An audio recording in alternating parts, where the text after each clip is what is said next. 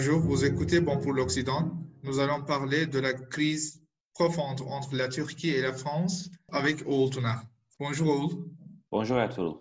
Les sujets conflictuels entre la France et la Turquie sont peut-être résumés euh, dans plusieurs titres. On peut commencer avec la Syrie.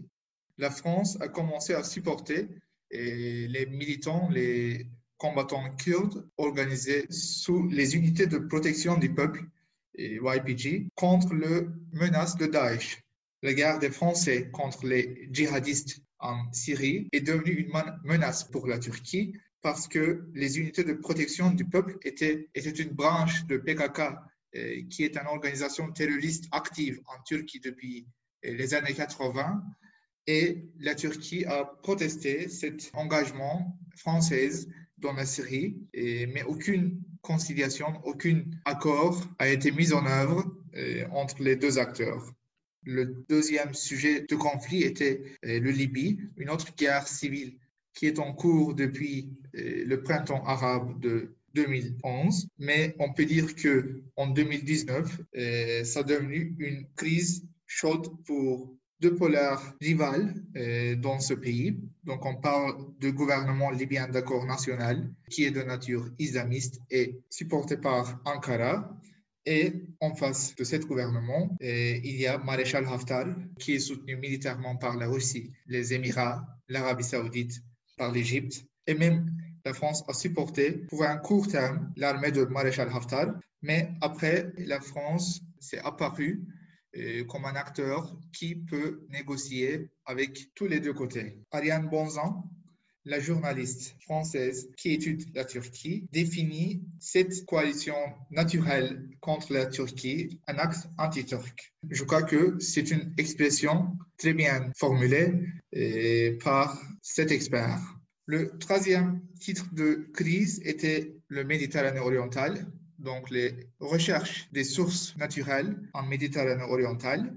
La France est devenue le porte-parole des intérêts européens, est devenue le premier supporter de la Grèce et le Chypre, qui sont des acteurs rivaux pour la Turquie en Méditerranée orientale.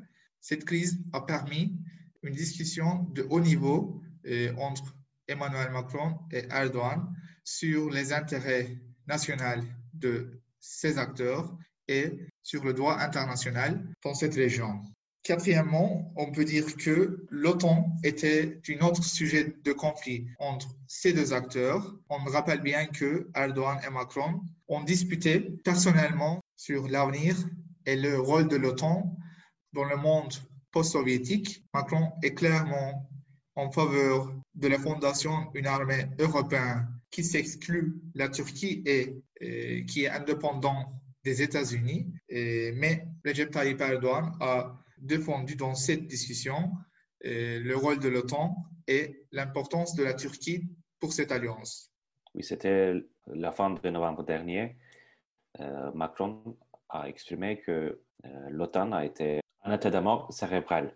Euh, et quelques jours après, Erdogan, il, s'est exprimé, et s'en prend les paroles de Macron, et dit que c'est Macron qui a été en état de mort cérébrale.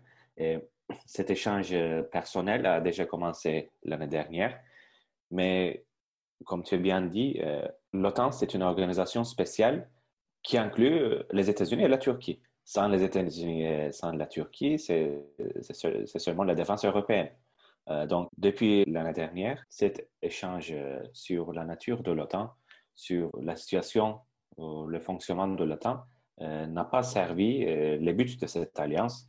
Euh, l'année dernière, j'ai été invité dans un séminaire à l'est de l'île. Il y avait l'amiral Alain Collefi, qui était un vivide défenseur de la défense européenne que Macron lançait depuis son inauguration. Et amiral Collefi a refusé une participation de la Turquie dans l'OTAN une adhésion de la Turquie à l'Union européenne.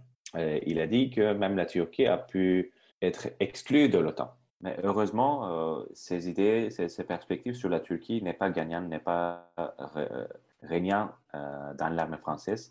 Par exemple, dans la dernière interview de François Lecointre, le chef d'état-major des armées françaises, qualifiait l'armée turque comme une armée importante, membre de l'OTAN, et il est bien conscient de l'importance des poids de la Turquie dans la région et pour l'OTAN, bien sûr. Donc, cette relation, cet échange conflictuel entre la France et la Turquie euh, ne servait pas évidemment les, intérêts de l'OTAN. Et je crois qu'on arrive le dernier et le plus épineux sujet de confrontation entre les deux pays, islamisme politique en France. Ce courant a été discuté beaucoup récemment en France et, a causé des tragédies dans les dernières semaines, comme tu savais très bien et tu suis attentivement.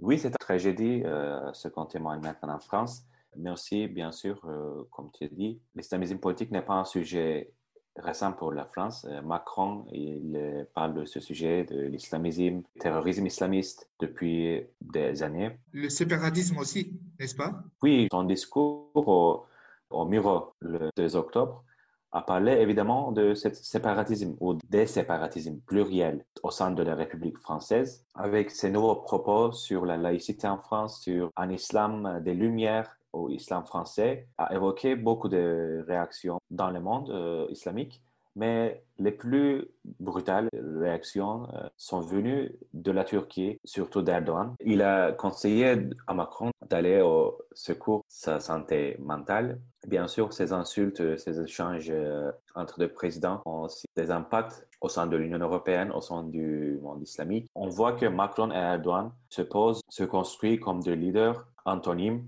L'un est comme le leader de la laïcité, des Lumières, euh, des valeurs républicaines et l'autre euh, comme du leader, du chef du monde islamique. Mais malheureusement, ces, échanges, euh, les propos de Macron ont déjà incité beaucoup d'attentats beaucoup en France, commencé par le meurtrier tragédique de Samuel Paty.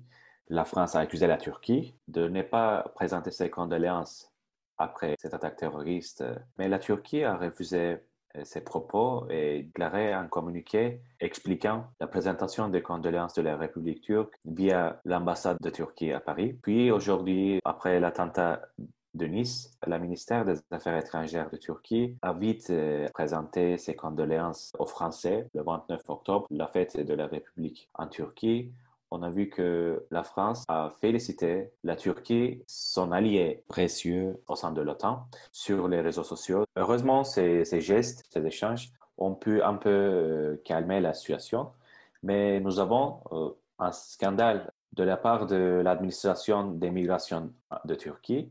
Euh, après la fermeture, la dissolution de Baraka City en France, le fondateur de, cette ONG, Baraka City, Idriss Siamedi a demandé d'asile en Turquie euh, sur Twitter. Nous avons vu le 29 octobre que cette euh, compte officiel de l'administration de migration a répondu, demandé à M. Siamedi de présenter ses documents afin d'accélérer le processus de demande d'asile. Malheureusement, les discours, les politiques d'Ankara ont endommagé l'image de Turquie. Cependant, on ne doit pas oublier que la Turquie est le premier pays frappé par les attentats de, Daesh euh, depuis 2015. Malgré le fait de terrorisme islamiste en Europe et dans le monde entier, et la Turquie n'a pas hésité de défendre ce groupe radical euh, que tu as exprimé à travers son enjeu euh, de l'islamophobie. Porte-parole de la présidente Ibrahim Kalın a écrit un article sur 10 questions accusait la France d'être le sponsor des politiques d'islamophobie. En fait, toutes ces politiques, toutes ces accusations ont un cible dans le politique intérieur de la Turquie. On voit une crise économique qui, qui est arrivée à son apogée et le gouvernement, le président, a besoin d'un engagement idéologique extérieur pour consolider ses supporters. Même chose pour la France, euh, où la crise économique et la crise de Covid voient son apogée.